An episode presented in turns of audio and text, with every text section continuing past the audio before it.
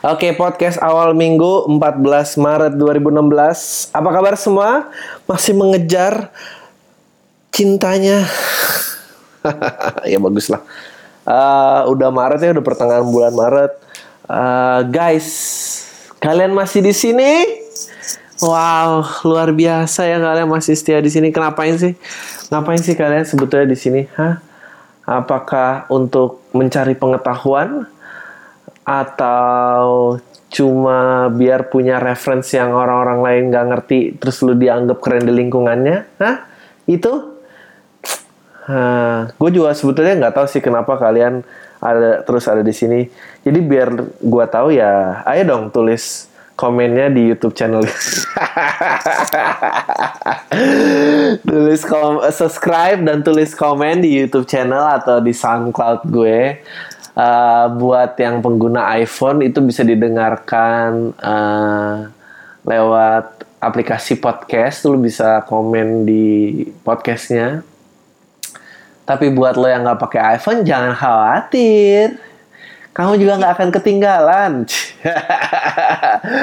Ya kalau lo punya media player itu iTunes uh, untuk desktop dan Uh, ya lu bisa cari untuk desktop ya lu bisa dipilihannya bisa di YouTube ya atau di iTunes ya iTunes juga lu bisa cari podcast awal minggu ya lu bisa subscribe cg gitu. Uh, men gue sebetulnya udah ngerekam 15 menit terus gue memutuskan untuk ulang dan gimana caranya kedua kalinya biar terasa seperti pertama kali? Hah? Gimana rasanya?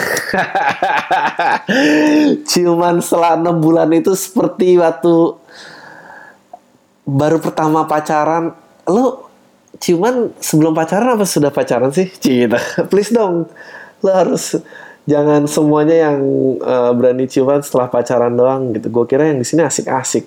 Jadi ciuman nggak perlu pakai status.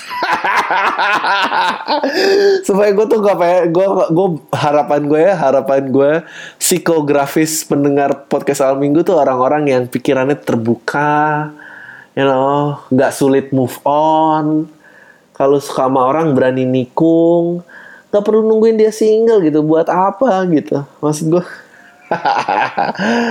karena apa? Karena all is fair in love and war gitu. Kalau lo pengen tahu lanjutannya dari joke itu gue kayak udah pernah ngomong itu jadi gue nggak mau ngulang. Ntar kalau ada yang ini ya tanya aja joke-nya apa ntar gue ceritain. Anyway gue pengen mulai membahas nih. Nah ini sebelumnya gue minta maaf dulu ya karena uh, karena gue pasti salah uh, ya maksudnya nggak ada bukti ya nggak ada apa uh, kan seperti yang semua udah pada tahu ya gitu podcast ini kan uh, ya paling apa ya lihatnya Wikipedia, YouTube, uh, film sama lirik lagu aja udah gue tuh nggak bisa jauh-jauh.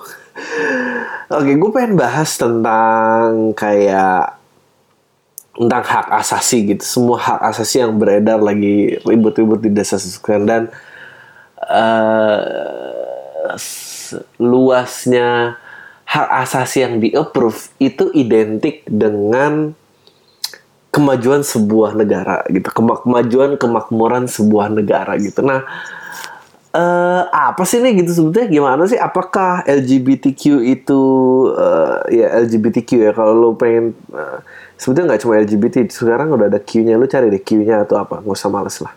Anyway. Sebetulnya uh, apa sih gitu urusan uh, hak asasi? Kenapa sih kenapa sih kita nih bisa memil manusia nih memiliki hak asasi gitu? Asal muasalnya dari mana dan kenapa sampai berkembang sejauh ini gitu. Itu yang pengen gue bahas. Anjing kayak berat banget gue nggak tahu deh how to make it funny. Tapi gue gue pengen bahas. Gue I, I, I promise uh, ya gue gak semoga ini bermanfaat. Udah itu aja lah doa gue. Gue mau doa apa sih? Lo mau ah, ini sebuah kebenaran. Gue nggak nggak nggak juga suka menjadi sumber kebenaran gitu. Tapi ya kira-kira tahu lah dari lo ngomong apa. Udah langsung aja. Anyway uh, hak asasi gitu uh, yang pernah gue angkat lagi uh, hak untuk mengakhiri hidup gitu assisted suicide gitu bunuh diri yang diawasi di mana negara-negara kayak ya Belanda udah udah nge-proof karena ada kondisi manusia yang akhirnya tidak layak hidup lagi. Dalam artian waktu itu ada kondisi orang yang uh, berubah ototnya menjadi tulang gitu. Nah itu, itu perih banget gitu. Itu perih banget hidup kayak gitu. Dan menurut gue uh, ya dia berhak gitu. Siapa sih yang bisa uh, menjaga kualitas hidupnya dia sebelum kondisinya kayak gini kan nggak ada gitu. Solusinya nggak ada. Apakah uh, waktu itu uh, yang pernah gue angkat lagi di Belanda PSK uh, udah legal karena ternyata kalau dimonitor pemerintah itu mencegah penyebaran uh, sexual transmitted disease lebih uh, jauh lagi. Terus yang lebih hebat lagi karena pemerintahnya udah mengakui bahwa seks itu adalah kebutuhan dasar manusia gitu uh, dan dia di situ uh, argumennya adalah kalau ya lu setuju dong gitu berhubungan seksual adalah uh, hak bagi seluruh. Apa lu situ aja belum setuju? Anjing ribet juga nih kalau situ juga belum setuju. Ah udah anggap aja udah setuju lah kalau gue nggak tahu harus cover dari mana. Uh, apa argumennya adalah uh, untuk orang-orang difabel waktu itu karena hak-haknya mereka siapa yang uh, kemakmuran atau taraf hidup mereka siapa yang mau mikirin gitu. Uh, gimana pun juga kita manusia, kita tidak luput dari ego, dia udah mikir itu. Uh, lu yang misalnya anaknya terlahir di kotomi normal, kalau dideketin sama yang difabel, uh, lu pasti akan berpikir gitu, aduh gimana ya, gimana ya caranya, aduh apa ya gitu. Lu pasti ada berat hati. Nah kalau semua orang berpikir situ belum pemikiran terbuka, uh, karena ya nggak bisa dipungkiri bahwa sebetulnya ada yang bisa diturunkan secara genetis dan belum tentu uh, nanti ke ke keadaan hidup di depannya itu menjamin uh, apa ya kelayakan dan kemakmuran bagi orang banyak mendingan difasilitasi seperti ini. Nah itu itu sebuah kemajuan filosofi yang sangat hebat. Gitu pemikiran manusia yang sangat hebat. Dan oh tapi apa sih gitu persyaratannya bukan persyaratan ya persyaratan sih gitu negara bisa mencapai titik itu gitu. Titik di mana uh, peradaban sangat maju sehingga eh, hak-hak manusia itu dapat difasilitasi itu hak-hak yang apa ya asasi gitu yang yang benar-benar dasar gitu. Um, nah anjing ini ribet banget pembahasannya. Semoga semoga ini make sense. Semoga ini bermanfaat lah. Anyway, ah pertama kali ah, ah, jadi apa sih tanda uh, keberadaban manusia yang pertama tuh apa sih menurut gue pertama ada tanda uh, manusia hidup lebih beradab gitu ya nggak nggak nggak savages gitu nggak cuma tentang survival dan membunuh lo biar gue survive gue harus ini kalau kayak uh, gue hidup di sebuah suku terdalam gue makanan terbatas terus ngeliat orang pakaiannya beda dan lu kira-kira mau ngambil makanan gue gue harus bunuh lo maksudnya itu way of life kita yang yang yang sangat lama gitu. Survival tuh ya udah survival tuh jadi nggak jauh beda sama binatang gitu. It's survival of the fittest banget gitu. Nah jadi tanda peradaban pertama tuh apa sih? Nah gue tuh percaya tanda peradaban pertama tuh ada di perintahnya Nabi Musa gitu di di di the first rule of Ten Commandments. Yaitu apa? Yaitu thou shall not kill. Ya lu jangan jangan bunuh orang. Karena perintah itu mendukung memfasilitasi hak manusia yang utama yaitu adalah untuk hidup. Itu dulu gitu. Um, makanya kalau lo lihat lo ingat gak sih kayak di film di uh, The Rise of the Planet of the Apes ya? Di film itu tuh pas monyet-monyetnya udah mulai kumpul gitu ya udah nggak begitu mengkhawatirkan keadaan kelangsungan hidupnya uh, apa perintah pertama itu adalah ape do not kill ape.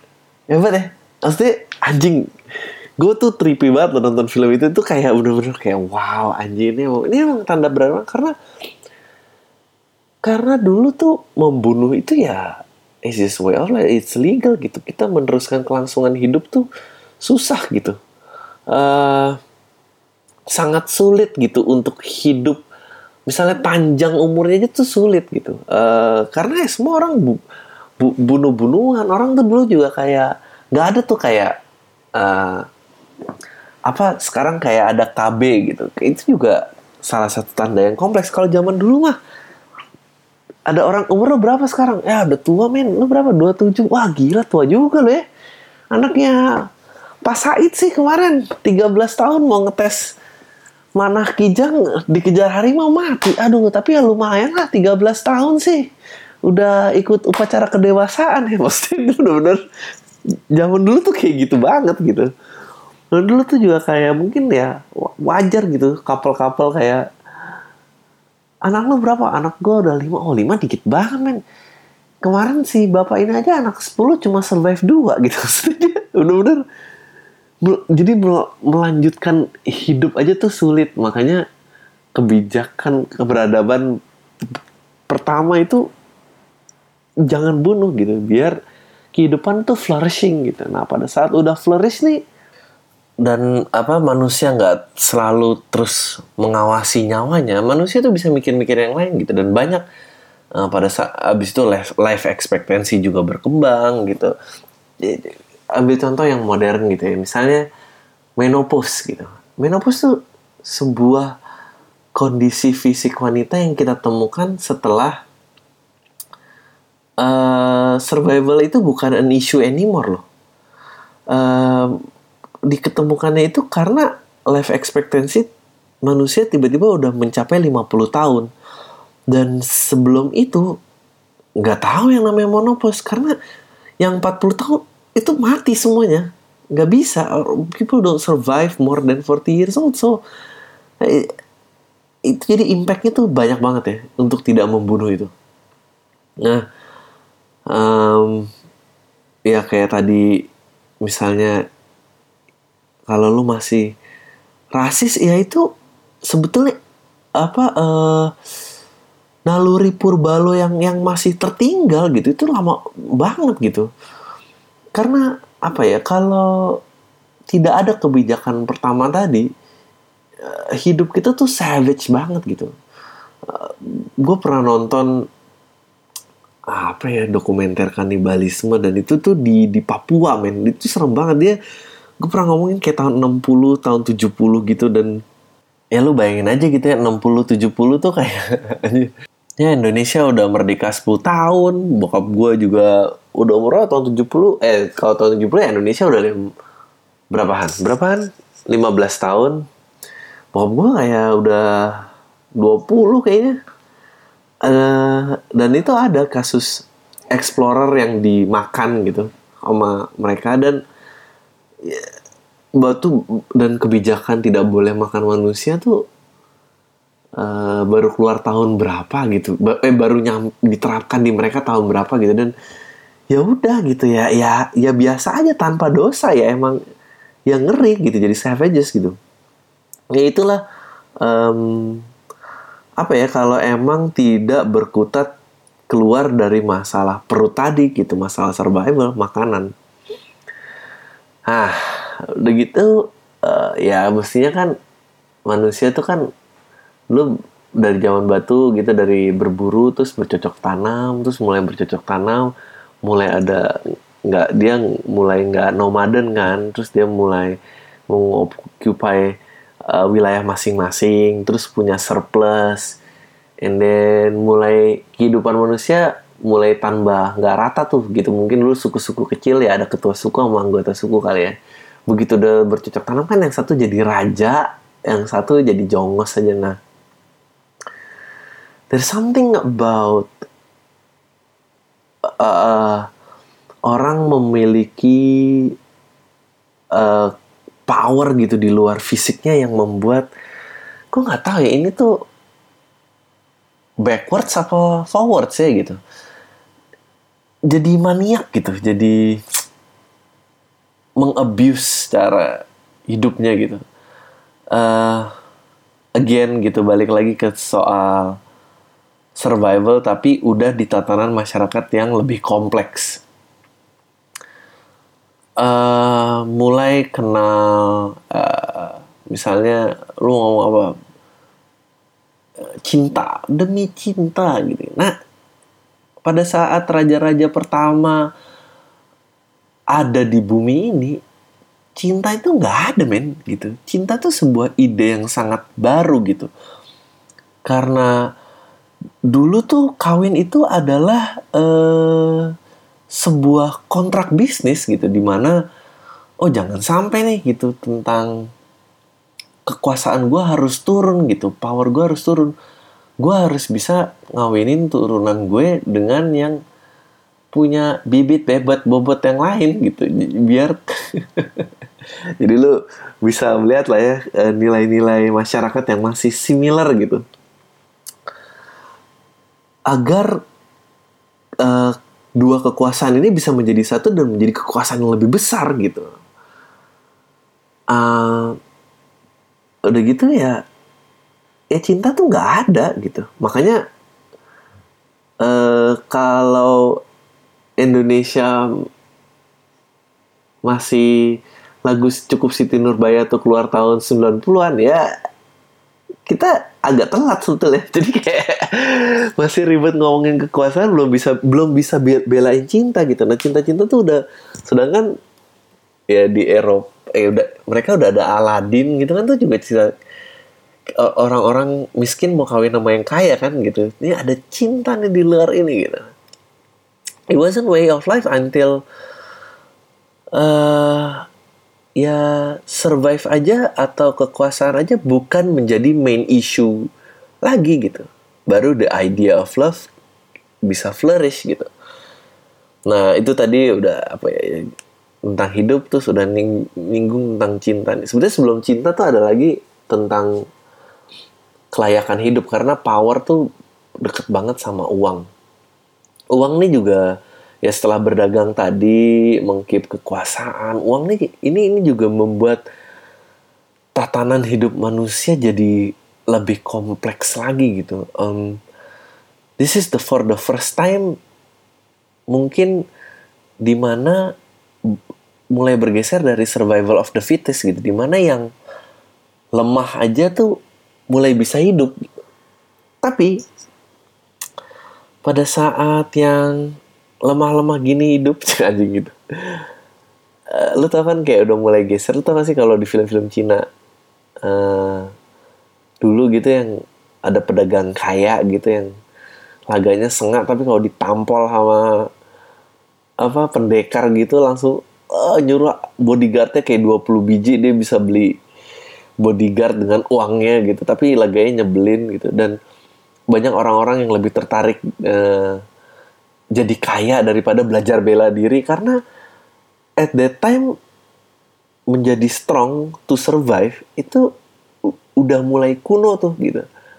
Masih keren lah tapi mulai kuno lebih tertarik kayak wow kayaknya kaya tuh lebih oke okay ya kaya tuh lebih bisa membeli kenyamanan hidup gitu oh, tapi gimana nih caranya kaya gitu kan? Kalau lo nggak bukan anak raja lu bukan keturunan hierarki tapi lu dan lu bukan uh, apa bukan pedagang gitu ya ya harapan lo kawin sama yang kaya makanya timbul timbul nah tapi ide kawin sama yang kaya itu kan pasti ditentang banget cinta nih apa gitu.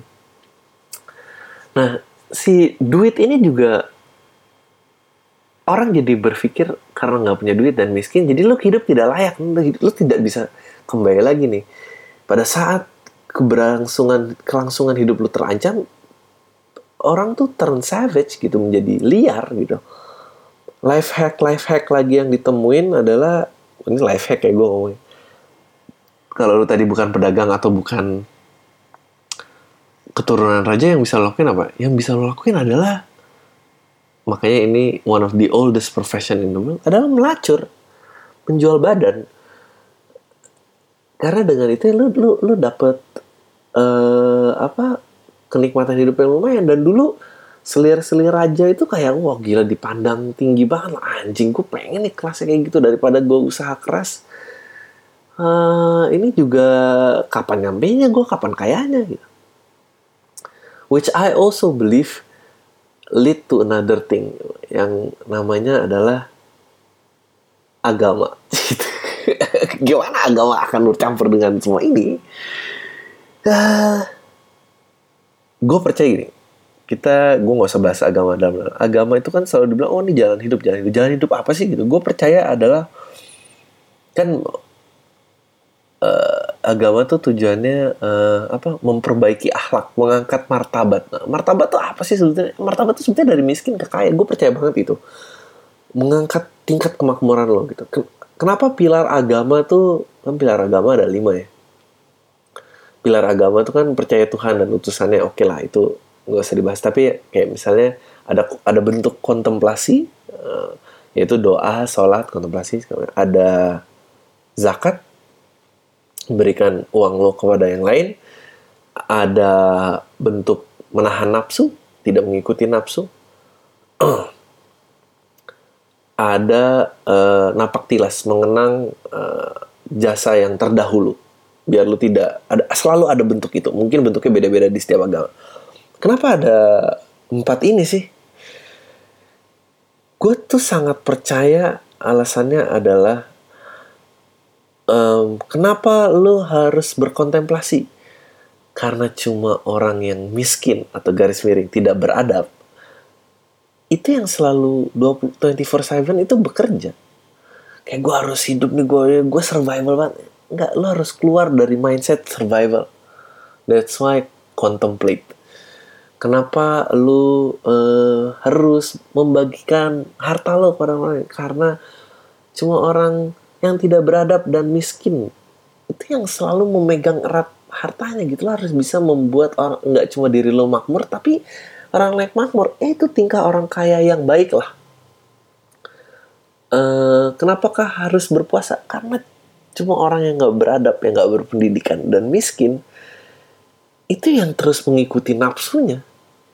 Makan kayak orang kelaparan gitu kenapa lo harus bisa reflect on the past melihat langkah-langkah iya. Karena orang miskin tuh aduh udah hari ini aja nggak bisa sempit pola pikirnya. Jadi kayak ada ide yang masuk biar derajat hidup lu tuh berubah derajat hidup lu tuh naik. Gue tuh percaya itu. Nah itu udah udah apa tuh udah, udah, udah tiga basic tuh tentang survival uh, tentang cinta dan tentang hidup bermartabat tentang hidup nah jadi kembali ke tentang memperjuangkan hak-hak mas asasi ini yang di otak gue selalu ber jadi kalau gue tuh percaya orang tuh harus dibuat makmur dulu. Selama dia cuma mikirin lapar hari ini, dia nggak akan bisa berpikir maju. Dia nggak akan bisa menolong dirinya, dia nggak akan bisa nolongin diri orang orang lain. Dia akan stuck kayak gitu. gitu. Dan uh, jangan disangka permainan duit ini kecil loh. Duit ini bisa melumpuhkan orang lagi balik ke titik survival mode lagi gitu. Kayak contoh ya misalnya perang dunia kedua ya. Perang dunia kedua kenapa sih tiba-tiba si Jerman itu merasa uh, gue adalah bang bangsa Eropa yang puris nih gue gue lebih tinggi daripada yang lain gitu. Bangsa Asia si Jepang itu paling hebat nih gue makanya gue Jepang cahaya Asia bla bla bla yang lainnya harus tunduk bla bla. Nah si Jerman ini sebetulnya dalam keadaan ekonomi yang sangat tidak baik dan dia tidak tahu anjing gimana ya caranya gue bisa mendapatkan kelayakan hidup. Jawabannya waktu itu si gila Hitler itu bilang kayak ini gimana kalau gue mulai merangin yang lain ya? Kita ambil semua pekerjaan balikin lagi ke kita. Kita aja nih yang ekspansi terus biar orang orang gue tuh makmur. Itu tuh yang di bawah dia itu kayak ya udah ikut aja perintah yang atas. Kayak ada dokumenternya kayak ngomongin tentang kerja tuh kayak dapat paid holiday lah apalah. Dia nggak pernah tahu travel in cruise ship. Dia nggak tahu bahwa the price of that adalah um, dengan ngebantai orang-orang lain gitu. Tapi they do it to survive gitu. Sama kayak uh, gue nggak tahu di Jepang tuh kenapa gitu. Tapi jelas misalnya per Harbor gitu ya Pearl Harbor. Kan Amerika itu ikut perang dunia kedua gara-gara apa uh, perahunya ditabrak kan? Nah, kenapa sih ditabrak sama Jepang itu? Karena ternyata ada tuh dokumenter di Zeitgeist tuh cari aja Amerika tuh mengcut off suplai makanan dan uh, bahan baku yang dibutuhkan Jepang untuk survive. Kalau lu cut survival people, uh, survival way of people, eh cara orang bertahan, dia akan gila, dia akan bisa nabrakin jeger, mampus nih lu semua gitu. Nah, sekarang nih yang perlu lu tanyain adalah kita sebetulnya udah seberapa jauh sih dari titik itu? Dari titik oh, perut ini nggak lapar. Karena di pada saat kebutuhan pokok lu terpenuhi lu baru bisa mikirin yang lain gitu. Dan berapa dan apakah semua golongan sudah perutnya terpenuhi? Those basic questions yang harus ditanya gitu. Uh, jadi gue tuh jadi mikir gitu sebetulnya tuh kemakmurannya duluan apa keberadabannya duluan ya gitu. Keadaannya dulu apa ide-idenya dulu ya? Itu yang yang yang yang. Tapi sekarang gini apakah bisa gitu ide duluan? Hah? apakah uh, misalnya lu sekarang tentang pursue passion ya? Passion. Oh hidup bahagia tuh harus kejar passion nih. Kerjaan lo apa cinta lo apa? Jadi biar tidak terasa hidup nih bagaikan kerja.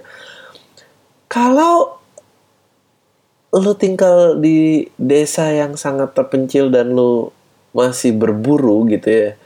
Lo belum ngerti bercocok tanam.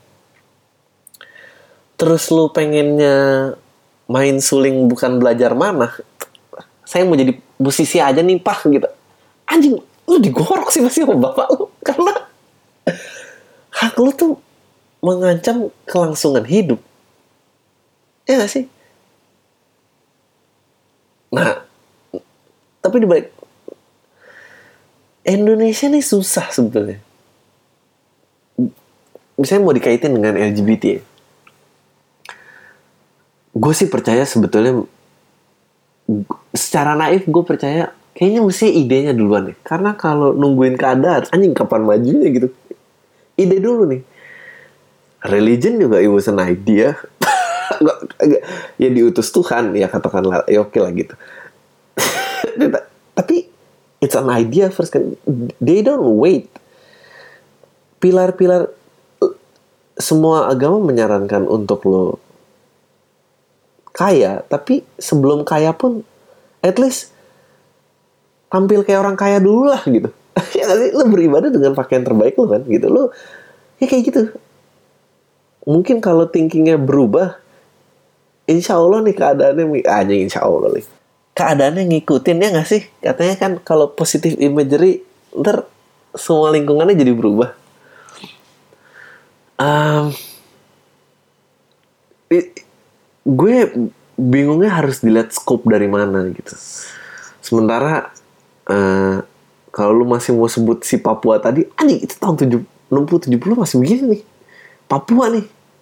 Sedangkan lu udah kayak Indonesia nih harus siap persaingan Southeast Asia dan aduh kayak lu gimana gitu ceritanya? Apakah uh, eh, LGBT-nya, uh, misalnya LGBT ya, apakah uh, eh, gue pernah bahasin dan waktu itu pernah dibahas di radio juga gitu um, gue setuju bahwa gue tidak setuju ada penindasan karena come lah thou shall not kill. Kill tuh turunan di bawahnya tuh jangan nindas. Jadi gue bullying apa gitu-gitu tuh tertindas. Orang nggak bisa makan orang nggak bisa mendapatkan pendidikan orang nggak bisa mendapat air minum. Come lah itu itu harus hilang. Kalau nggak yang lain jadi susah nih gitu. Sementara society dunia lain udah terus maju. Uh, gue melihat kalau misalnya melihat Amerika gitu ya, tentang sejarah LGBT Q-nya mereka gitu. Uh, ada pilar-pilar yang akhirnya runtuh gitu. Eh maksudnya gap-gap tuh mengecil. Femi, femi, femi, feminisme mengecil. Uh, ya mereka udah mulai ada oh ya perempuan nih mulai kerja perempuan harus dihormatin perempuan tidak boleh di abuse bla bla bla segala macam mendapatkan gaji yang sama dengan pria kesejajaran itu kesejajaran ya. Gue nggak tahu seksis jadi seksis harus sejajar kedua ras itu juga runtuh. Abis ras runtuh pilar agak uh, agama juga runtuh. Agama dalam hal ini runtuh dalam artian gini ya. Agama sebagai pencipta gap itu hilang. Uh, jadi kayak kawin beda agama tidak masalah. Um, campur komunitas campur tidak masalah. Sebagai jurang pemisah hilang. Nah ini sangat sulit gue cita-cita gue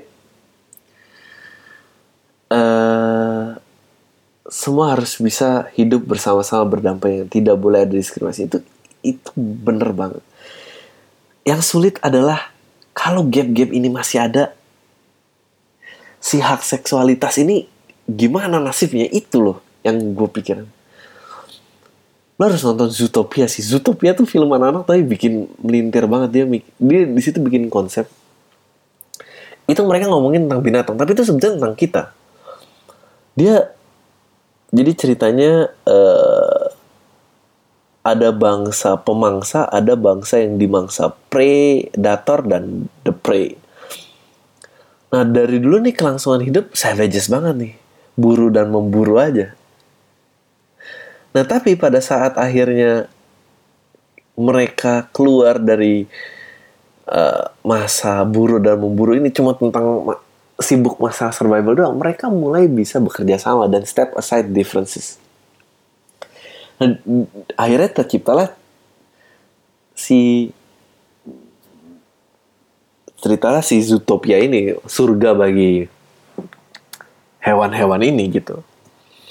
Nah yang, yang lucunya yang keren adalah pada saat tercipta surga-surga buat hewan-hewan ini, hewan-hewan tuh masih dicap sesuai dengan asalnya, bukan pemikirannya. Ah, ini gila. Di, di mana si kelinci itu adalah makhluk yang lemah, ya kelinci nggak bisa menjadi polisi lah, nggak bisa nggak bisa jadi penegak uh, keadilan gitu. Terus si rubah itu ya selamanya rubah itu licik rubah tuh nggak mungkin bisa membantu dan seberapa jauh mereka bisa udah lewat uh, udah mau evolve dari situ. Nah abis dari situ adalah konflik-konflik yang akhirnya konflik of power lagi gitu dibalikin mereka akhirnya dibalikin ke nature-nya ke savage nature-nya lagi. Filmnya bagus banget deh lo harus nonton. Nah jadi kembali lagi gitu. Gue sih I like to think uh, pemikirannya dulu. Keberadaban berpikirnya dulu yang keluar. Sebelum kemakmurannya. Tapi di sisi lain kemakmurannya juga harus jalan. Aja nggak bisa sih. Lo nggak bisa sih pilih salah satu menurut lo aneh yang nggak bisa sih kayaknya. Itu harus bareng kayaknya. It's very hard untuk in evolve. Pada saat itu masih aja karena ada suku Papua tadi gitu. Suku gimana sih ceritanya? Uh, karena nih kayak society nih kayak terowongan dua jalur tapi lu ngantrinya enam jalur nih. Ini harus mepet nih harus satu-satu nih masuk ini. Nggak bisa disodok-sodok dan susah gitu kalau misalnya kalau lo ngomongin hak asasi yang lain sementara banyak yang masih kelaparan gitu juga. Gue bingung gimana caranya. Atau masih banyak yang uh, mati eh, karena penyakit yang bisa disembuhkan itu kan aneh gitu. Mestinya itu udah nggak boleh. Makanan air obat-obatan. Kelayakan hidup lah gitu diperjuangkan gitu ya makanya ya ya lu pikir aja ya. Lu bayangin ya jadi kalau tadi kan gue ngasihnya dua jalur sama enam ya. Ini sih lebih dari enam feeling gue uh, terus yang bisa dilakukan apa bang? Cek sana dia nanya. Ah tapi gue suka uh, hidup. Gue juga percaya bahwa kesempurnaan tuh sekarang gitu. Ideal itu sekarang. Jadi ini juga nikmat lah sebetulnya ada problem kayak gini. Karena tidak ada problem itu ternyata juga problem. Aneh gitu. Jadi ada ada negara-negara yang emang saking majunya survival itu jadi isu lagi. Jadi kan gue sempat tadi nyindir tentang keturunannya dan apa. Karena terlalu nyaman hidupnya. Kayak udah anjir uh, kuliah aja S1 tuh lu tunjuk di negara mana pun dibayarin apa segala macam. Pokoknya anak lahir dibayarin pokoknya semua udah beres. Ya pajak lu 6% tapi 60% tapi semua happy lah gitu nah ternyata orang nggak happy juga. Gue juga nggak ngerti tuh. Di negara-negara tuh mungkin negara-negara Skandinavia ya mereka punya problem orang-orangnya nggak mau punya anak. Sampai honeymoon aja tuh mau dibayar pemerintah. Ini juga Holland apa apa pokoknya negara-negara itulah lu bayangin honeymoon dibayar pemerintah karena biar beranak. Karena pemerintahnya bingung nih udah kebanyakan yang mati daripada yang lahir gitu. Anjing ini tuh there's something about kalau survivalnya manusia tuh diambil manusia itu juga mati nggak nggak nggak mau berfungsi gitu. Ada contoh kemakmuran yang terlalu tinggi ya kayak gitu. Ya kayak kayak jadi ini tau nggak lo? Panda di, di petangkaran Cina tuh kan dia hidupnya udah terlalu terjamin tuh dia nggak perlu berburu dia nggak perlu lari dari pemangsa. Somehow mereka nggak mau beranak loh. Itu sampai di harus diputerin panda have sex with another panda baru biar dia terangsang untuk mau ngejar lawan jenis ya. Kalau nggak dia udah ya udah santai ada juga kasus di Australia karena suku aborigin tuh kan dulu tertindas banget kan dilucuti abis lah sama orang-orang putih. Nah ini waktu itu sampai gue nonton juga ada dokumenter. Again gue lupa judulnya. Sampai ya ini bisa dokumenter bisa cuma khayalan di kepala gue sih. Bete gak sih lo kalau semuanya cuma khayalan di kepala gue bahwa uh, karena mereka hidup dengan welfare tidak perlu kerja ya itu mereka end up jadi alkoholik dan uh, home abuse gede banget loh. Sedih ya ya gitulah nggak tahu ya ini per buat lo deh PR udah gue masuk ke pertanyaan aja ini udah lama banget men uh, di SFM dan email gue oke yang pertama nih ini dari Ilham Bang, gue mau nanya to the point aja nih. Kenapa lu dan komik lain pas lagi bawain joke di panggung nggak pernah ada ketawa yang lepas? Ketawa sedikit-sedikit itu kayak malu-malu babi. Weke weke. Ah. nah ini nih. Gak berada. Weke. Kenapa sih we? weke weke weke. Padahal kalau lu podcast ketawanya lepas banget, lega dan dah kayak cewek yang nggak pakai BH kalau lagi tidur. Kenapa tuh alasannya? Oh, he's trying to be funny people. apa ada aturannya kalau komik bawain joke nggak boleh ketawa lepas? Uh, enggak ya, gue sih gue cukup sering mentertawakan joke gue sendiri. Terlepas sampai apa, uh, gue pernah juga sih lepas mungkin karena jarang di TV ya, jadi orang belum pernah lihat gue kayak apa. Cik gitu, lo kan pertanyaannya hanya asumsi asumsi. Kalau komik lain gue nggak ngerti kenapa. Katanya sih ada aturan waktu ya soalnya ada gue bisa ngerti sih kenapa dia nggak mau ketawa karena gini kalau lu live lu ketawa karena lu tuh kayak udah ke kepedean kalau gue sih bakal takut kayak gue siap ketawa eh yang lain nonton kagak ketawa. Anjing terus gue kayak orang gila deh. Kan gue nggak bisa kayak gitu. It, it, itu ketakutannya. Nah kalau di podcast kenapa gue ketawanya lepas? Hmm, karena ini gue sebisa mungkin nggak scripted gue sebisa mungkin nggak take berulang-ulang. Gue pengen kalau ngejok karena nggak ada penonton ya paling nggak gue harus bisa ketawa. Paling nggak kalau gue ketawa ya buat lu semua lucu lagi itu janjing kayak tai juga ya kalau buat gue lucu semua lu pasti lucu lah. Cik gitu. Uh, PS mumpung lu belum terkenal dan masih sedikit yang ngirim email jangan sosokan. Alasan gak sempat balas email gue dah. Wek wek wek. Jesus.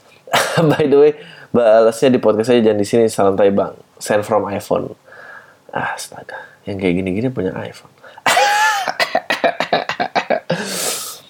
um, Bang, kalau mau tanya mau pasang iklan di podcast bisa nggak caranya gimana harganya berapa thanks? Uh, ini gue bales buat Evan bisa aja untuk keperluan aja dia nanti diomongin terus dia nggak balas. Gue gue bisa aja mau pasang iklan apa cerita aja gimana paling gue bacain sih paling kayak radio spot radio. Um, it'll be great kalau gue dikasih kebebasan untuk make it funny karena acaranya it's about uh, tentang kelucuan ya uh, harganya berapa ya tergantung. Kebetulan gue nggak tahu juga harus pasang apa. Kan gue podcast pertama di Indonesia. Gitu. Dari apa uh, Anil? Langsung aja bang. Gue mau nanya nih. Lu pernah gak sih ngerasain waktu lagi nggak punya pasangan lu ngerasa jijik banget sama kelakuan yang mereka yang pacaran itu? Tapi pas lu punya pasangan dan pacaran lu pun mau nggak ngelakuin semua kelakuan jijik itu? Hah? terus kontradiktif ini gue coba gue baca sekali lagi langsung aja bang. Gue mau nanya nih lu pernah nggak sih ngerasain waktu lagi nggak punya pasangan lu itu ngerasa jijik banget sama kelakuan-kelakuan mereka yang pacaran itu? Oke. Okay. mm, jawabannya uh, nggak biasa aja nggak pernah. Tapi pas lu punya pasangan dan pacaran lu pun nggak mau ngelakuin semua yang kelakuan yang jijik itu. Ya emang nggak ngelakuin. Ah gue gimana? Biasanya nih ya biasanya pertanyaan yang benar adalah lu ngerasa jijik tapi pas lu pacaran lu ternyata ngelakuin juga. Lu pernah gak kayak gitu? Baru tuh menarik ditanya. Tapi kalau emang lu ngerasa jijik terus lu pacaran terus nggak dilakuin ya berarti lu orangnya konsisten. Tai mati salah satu lagi bang. Lu kepikiran nggak buat special show keliling Indonesia? Iya atau kalau nggak mampir open mic uh, Surabaya lah. Gue mau banget sumpah. Uh, men gue kasih ya. Kalau lu bisa ini buat siapa pun yang denger. Kalau lu bisa jamin gue hmm kalau harga tiket lima puluh ribu Cik gitu udah dibaca lima puluh ribu lah ya lima puluh ribu. Lu bisa jamin gue 200 orang aja gue berangkat. Sumpah gue berangkat Thanks bang, sukses buat potensi tahun saya. Thank you. Semoga gue bisa ke Indonesia. I, I really want to. Meskipun gak lucu pasti, yakin gue. Halo Bang Adri, ini dari Made. Halo Bang Adri, santai. Gue selalu denger podcast lu tiap minggu bang. Tapi gue baru ngirim email sekarang bang. Hehehe, oke. Okay. Gue mau nambah materi lu buat podcast bang. Ya, oke okay lah, apa sih nih. Gimana sih pendapat Bang Adri tentang hubungan beda kepercayaan? Gue udah pernah bahas ini. Menurut gue nggak ada yang lebih tai dari pacaran beda agama bang. Ya emang karena dia semua ceweknya sama-sama suka dan sampai sekarang yang gue tahu solusinya cuma cari cewek baru yang seagama. Tapi sih bang gue pacaran udah hampir 3 tahun dan akhirnya gue udahan dan sampai sekarang gue belum move on ha, sampai dibilang Jones sama teman-teman gue tai emang mereka. Jones apa sih Jones Jones Udah bang segitu aja dari gue. Salam kenal semoga sukses terus bang. Jangan berhenti mewarnai, mewarnai awal minggu gue. Ha santai. Thank you bang santai. Ah kembali lagi ya uh, tentang cinta itu. Tadi gue juga udah nyindir tentang cinta dan kemakmuran yang berpindah. Uh, gue juga percaya ya inilah inilah titik Indonesia nih. ya udah masih di situ ya.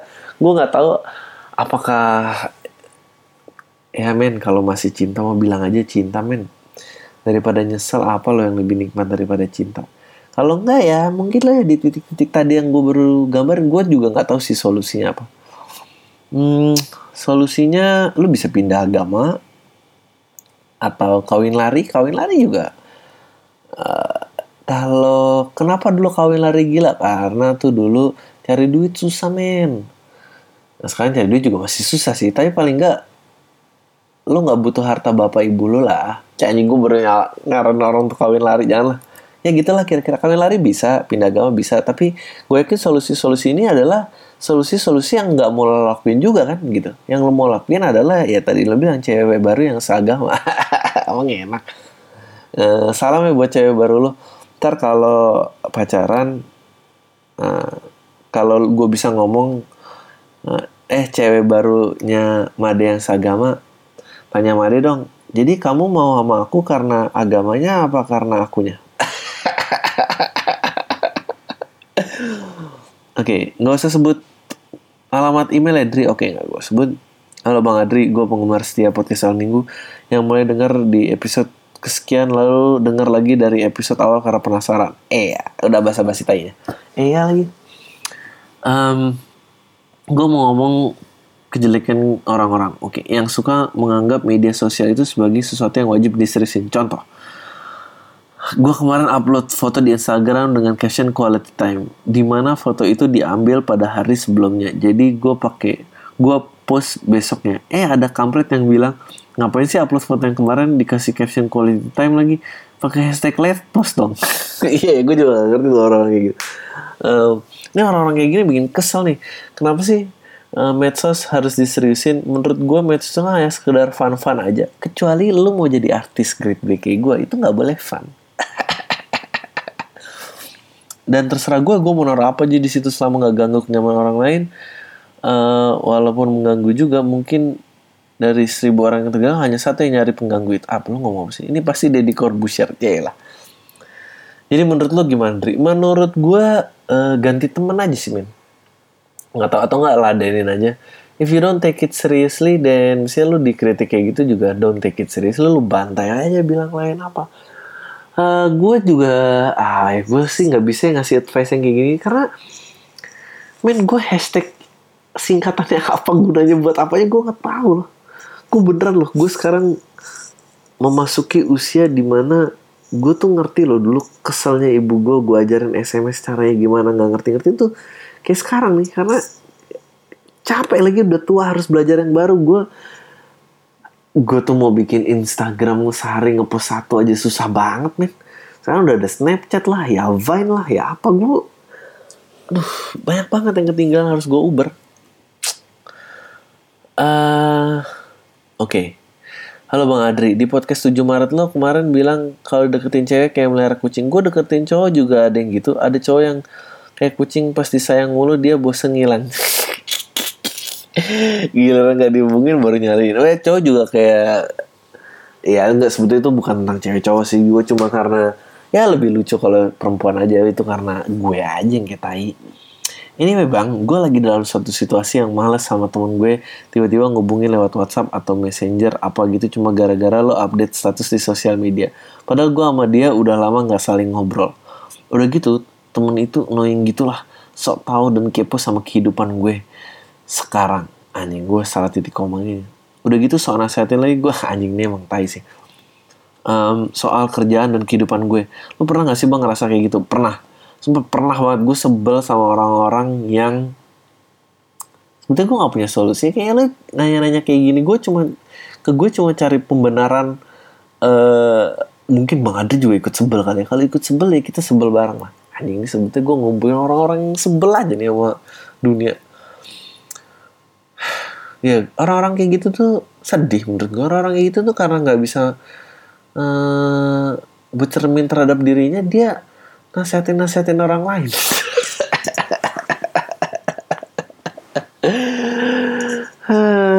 Nah sedih ya.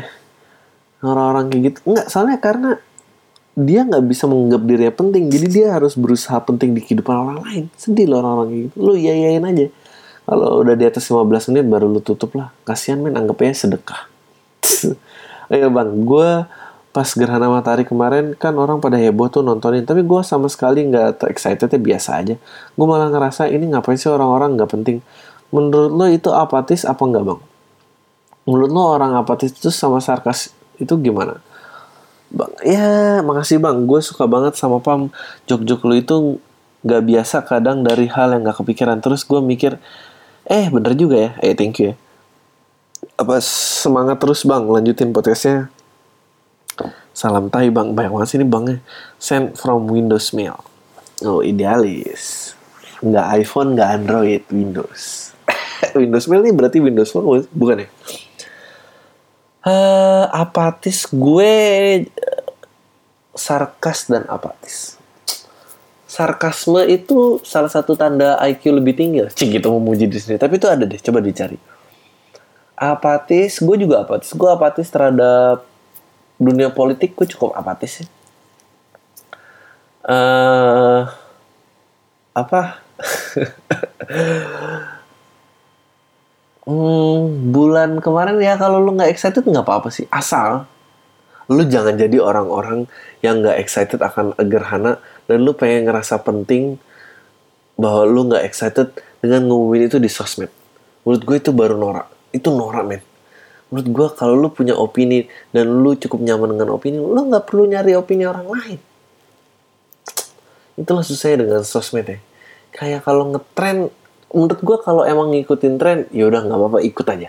Tapi kalau lu punya tren yang berlawanan, lu nggak usah pengen, eh ini atensi lihat ke gue dong, sedih men. Lu kayak kurang disayang sama orang tua lu gitu. Kurang kasih sayang. Men maaf ya kalau gue udah mulai belibet nih. Udah tanggal 14 nih. Jam 12 lewat. Ya gitulah kira-kira. Semoga menjawab ya. Anjing ini belum SFM nih. Lama juga nih. Lapar lagi gue bang gue abis nonton debat presiden Amerika. Ini perasaan gue atau gimana ya? Debat presiden Amerika tuh berkualitas banget sampai bahas muslim dan tentara uh, masalah border lah. Nggak kayak waktu dulu pemilihan presiden di sini yang menurut gue bertele-tele. Oh iya jelas lah jauh lah. Kita kan bebas berbicara, berbicara kan baru susah lah. Men kita tuh uh, mempunyai hak tuh tahun 98 men baru bisa pilih langsung men. Sebelumnya nggak bisa. Kita nggak biasa bersuara dan dari 98 berapa presiden tuh baru ada presiden debat terbuka. Ya reference debatnya cuma bisa mengacu ke zaman Pak Karno lah pasti. Kayak bangsa yang merdeka. Prok prok prok prok prok prok yang gitu doang. Kita ini harus bisa membangun dalam mengisi kemerdekaan. Anjing padahal merdeka sih udah 70 tahun. Ya itulah yang sedih men, sedih-sedih banget. Eh uh, anjing gue lapar banget. Oke. Okay. Um, Dri mau nanya dong dan tolong bahas di podcast lo. Oh enggak, ini dulu deh. Bang Adri, lu kan kerja di bagian penulisan ya. Gue cuma mau nanya, gue mau bikin usaha website yang isinya buat anak muda, cuma yang menengah ke atas. Saran dong bang, buat gue juga lagi mau bangun usaha. Dijawab di potensi ya kalau bisa makasih. Hmm, gue gak tahu ya. Ya, ya, ya lo harus maksudnya apa sih bikin usaha website yang isinya buat anak muda bikin usaha website lu mau bikin usaha bikin-bikin website yang isinya yang websitenya bakal buat anak-anak menengah ke atas apa lu mau bikin website yang bakal menarik orang-orang menengah ke atas? Sok banget lah emang orang-orang menengah ke bawah kenapa? Norak. Hah, ketawanya pakai wk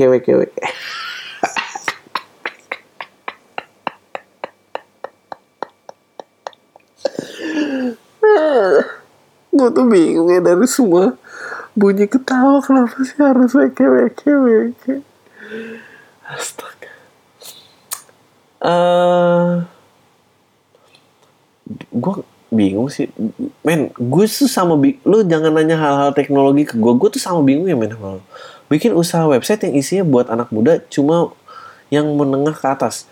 Ya lu kasih aja apakah anda di depan atau kayak, kayak situs bokep apakah anda berusia berusia 17 tahun? Tapi lu isi apakah duit jajan anda apakah oh, lu, lu bikin gini men. Lu bikin depannya apakah anda masih fakir wifi? Kalau iya dia nggak bisa masuk men. Kalau enggak lo ada pertanyaan selanjutnya. Ya lu bikin aja kayak gitu. Apakah anda kaya? Misalnya enggak abis itu tanya apakah orang tua anda kaya? Kalau iya masih boleh masuk, kalau enggak ya nggak boleh masuk. Lu udah nggak kaya, orang tua lu nggak kaya. Men asli men, lu harus tanya. Uh, pasti ada caranya sih. Ya nggak tahu ya, kayak lu harus masuk ke dalam perilaku anak-anak menengah ke atas gimana? Nongkrongnya di mana, kontennya apa yang tertarik, bahasanya gimana, gitu gitulah, the usual stuff lah kalau lu ngerasanya tempat gaulnya sama itu beda ya pasti beda. Kalau kontennya beda beda. Kalau looknya beda ya beda. Hmm, Nggak tahu ya. Menurut lo gue yang menengah ke atas sama nggak? gue sih pasti menengah ke atas nggak tahu sih gue apa ya gue nggak tahu gue juga nggak tahu kenapa kalian masih kumpul makanya masih ditunggu ya testimoninya anjing testimoni tahun kan gue udah tua lapar oke Dri gue mau tanya dong dan tolong bahas di podcast lo arti menikah untuk lo apa aduh Susah banget ya. Gimana cara lo ngeyakinin diri lo kalau si kampret ini layak untuk dijadiin teman hidup? Thanks anyway. Well, kalau lo masih nge-refer pacar lo sebagai si kampret, lo nggak gitu yakin sih. Mendingan gak usah. um, apa ya ini mau serius apa gimana? Arti menikah buat gue. Men, gue tuh dulu gue dulu gak mau kawin. Dan gue baru kawin umur 31 hampir 32 ya. Gue nggak mau kawin dari umur mungkin mulai ada pemikiran kawin ya dari umur 21 kali ya 10 tahun kok nah, terus gimana ceritanya? Bisa kawin dong? Nah, kenapa nggak bahas topik ini? Aja karena gue gue bahas topik ini gue bisa terkenal. Gue tahu. Gitu. Uh, arti menikah untuk apa gue nggak tahu gue nggak bisa jawab karena gue baru tiga bulan kawin. Ini masih enak-enak ya. Tanya orang tua lo aja men. Uh, tapi so far yang gue rasain adalah oh kalau lo mau tahu jawabannya lo datang ke show gue. Tanggal 9 April gue sama Aco tanggal 9 April di Pongwi Kemang uh, apa uh, Sam sama Rindra tanggal 16 di Pongwi Kemang. Ntar detail menyusul ya lu ikutin Twitter dan Instagram gue aja. Gimana? Gantung-gantung gitu gak Uh, gimana cara lo ngeyakinin diri lo kalau si kampret ini uh, gue kayak yang kedua belum bisa jawab sih. Cara ngeyakinin lo diri lo kalau si kampret ini layak untuk dijadikan teman hidup. Pada saat lo mulai menggantungkan alasan lo untuk kepada faktor luar atau in, apakah si A layak kenapa si B layak lo tuh belum pengen kawin itu yang gue tau pasti itu harus mulai dari diri lo sendiri uh, bahwa oh kayaknya harus uh, udah tentang orang lain nih bukan tentang gue. Gue ada perasaan itu sih. Mentoknya di situ kayak nggak bisa nih selama lamanya tentang diri gue. Bukan yang mau sok bijak atau gimana gitu, tapi tapi itu yang gue rasain. Yakinin diri lo kalau si kampret ya, karena lo karena bahasa lo ini masih menuntut bahwa oh si A ini pantas nggak buat gue. Nah, itu tuh ego. Kalau masih ada ego mendingan single aja. Bukan berarti itu salah tapi gak usah kekawin-kawin dah. Percaya sama gue berat men. Ya itulah. Semoga kira-kira menjawab ya. Uh, Bang, menurut lo NASA atau beberapa astronot sebetulnya udah nemu banyak tapi dirahasiain atau emang segitu aja yang udah ditemuin di luar angkasa? Hmm, nge gue merasa segitu aja. Uh, kalau ada pun sebanyak sebanyak banyak banyaknya NASA yang berkaitan yang disembunyiin dengan berkaitannya luar angkasa masih lebih banyak yang disembunyiin tentang politik. Gue yakin itu 100%. Uh, apalagi ya? Bang menurut lo drama ospek itu penting gak sih buat ke depannya ya kalau ditanya penting nggak penting nggak penting. Tapi kalau ditanya nggak apakah ini nggak penting? Penting. Tapi gue jawab apa sih? Ini gue udah lapar nih. Bang menurut lo drama ospek itu penting gak sih buat ke depannya ke depannya apa nih uh, ya yeah, I guess it's something fun to look back. Uh, gue sih nggak suka ya tapi gue nggak suka gue orangnya nggak suka lihat ke belakang titik sih. Cih gitu. Bah gue saking nggak suka lihat ke belakang gue pakai hashtag TBT aja nggak suka karena itu throwback. Cie gitu. Bang gue kok menganggap semua orang di lingkaran gue bodoh semuanya gue menderita penyakit apa ini? Um, penyakit kesombongan kok kemungkinan besar itu? Karena gue yakin lo lebih pintar daripada semua orang itu kemungkinan lebih kecil daripada lo sombong. Anjing ya sih? Pasti sombong lebih besar. Uh, ajakin Kak Tirta main gitar ya. Oh, ya ntar nih kalau misalnya jadi tahu jadi apa bahasa Inggrisnya ketua pelaksana apa? Ini gak usah dijawab Jauh di podcast ya gimana rasanya kerja di dua hal yang berbeda antara uh, admin orang advertising dan komik-komik? Kalau dari sisi penghasilan yang lebih memberi pengasukan paling gede. Um, ini dua pertanyaan ya oke. Uh, rasanya kalau buat gue ini gue pernah gue tuh sangat oh lo harus dengerin ya. Lo harus dengerin lagu uh, si Sia SIA itu Sia lagu I'm Alive dan Elastic Heart. Well sebetulnya semua dia bagus sih. Itu cuma kesukaan gue aja. Gue suka banget liriknya tuh bener-bener dua hal itu kayak ah, anjing ini nih rasanya gimana caranya survive dari hubungan yang sangat abusive dan lirik-liriknya tuh tajam banget gitu. Uh, eh, gue tuh suka dia karena dia adalah salah satu orang yang menurut gue udah mencapai titik aktualisasi tertinggi. Dia pemikirannya udah terbebaskan dari belenggu-belenggu dan peraturan gitu.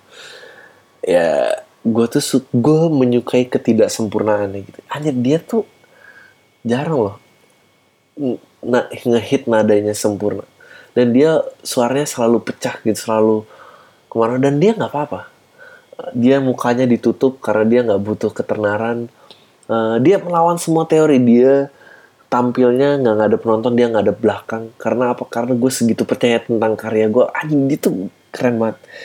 Kalau lu tanya gue tentang komedi dan advertising gue sangat menyukai stand up ini dan gue merasa mungkin stand up adalah jalan gue untuk mencapai titik aktualisasi itu. Gue sangat mengincar itu karena gue percaya oh itu mungkin itu kali ya kebahagiaan yang hakiki itu itu itu sama dengan mukanya John Mayer kalau lagi solo main gitar. Nah itu tuh sama.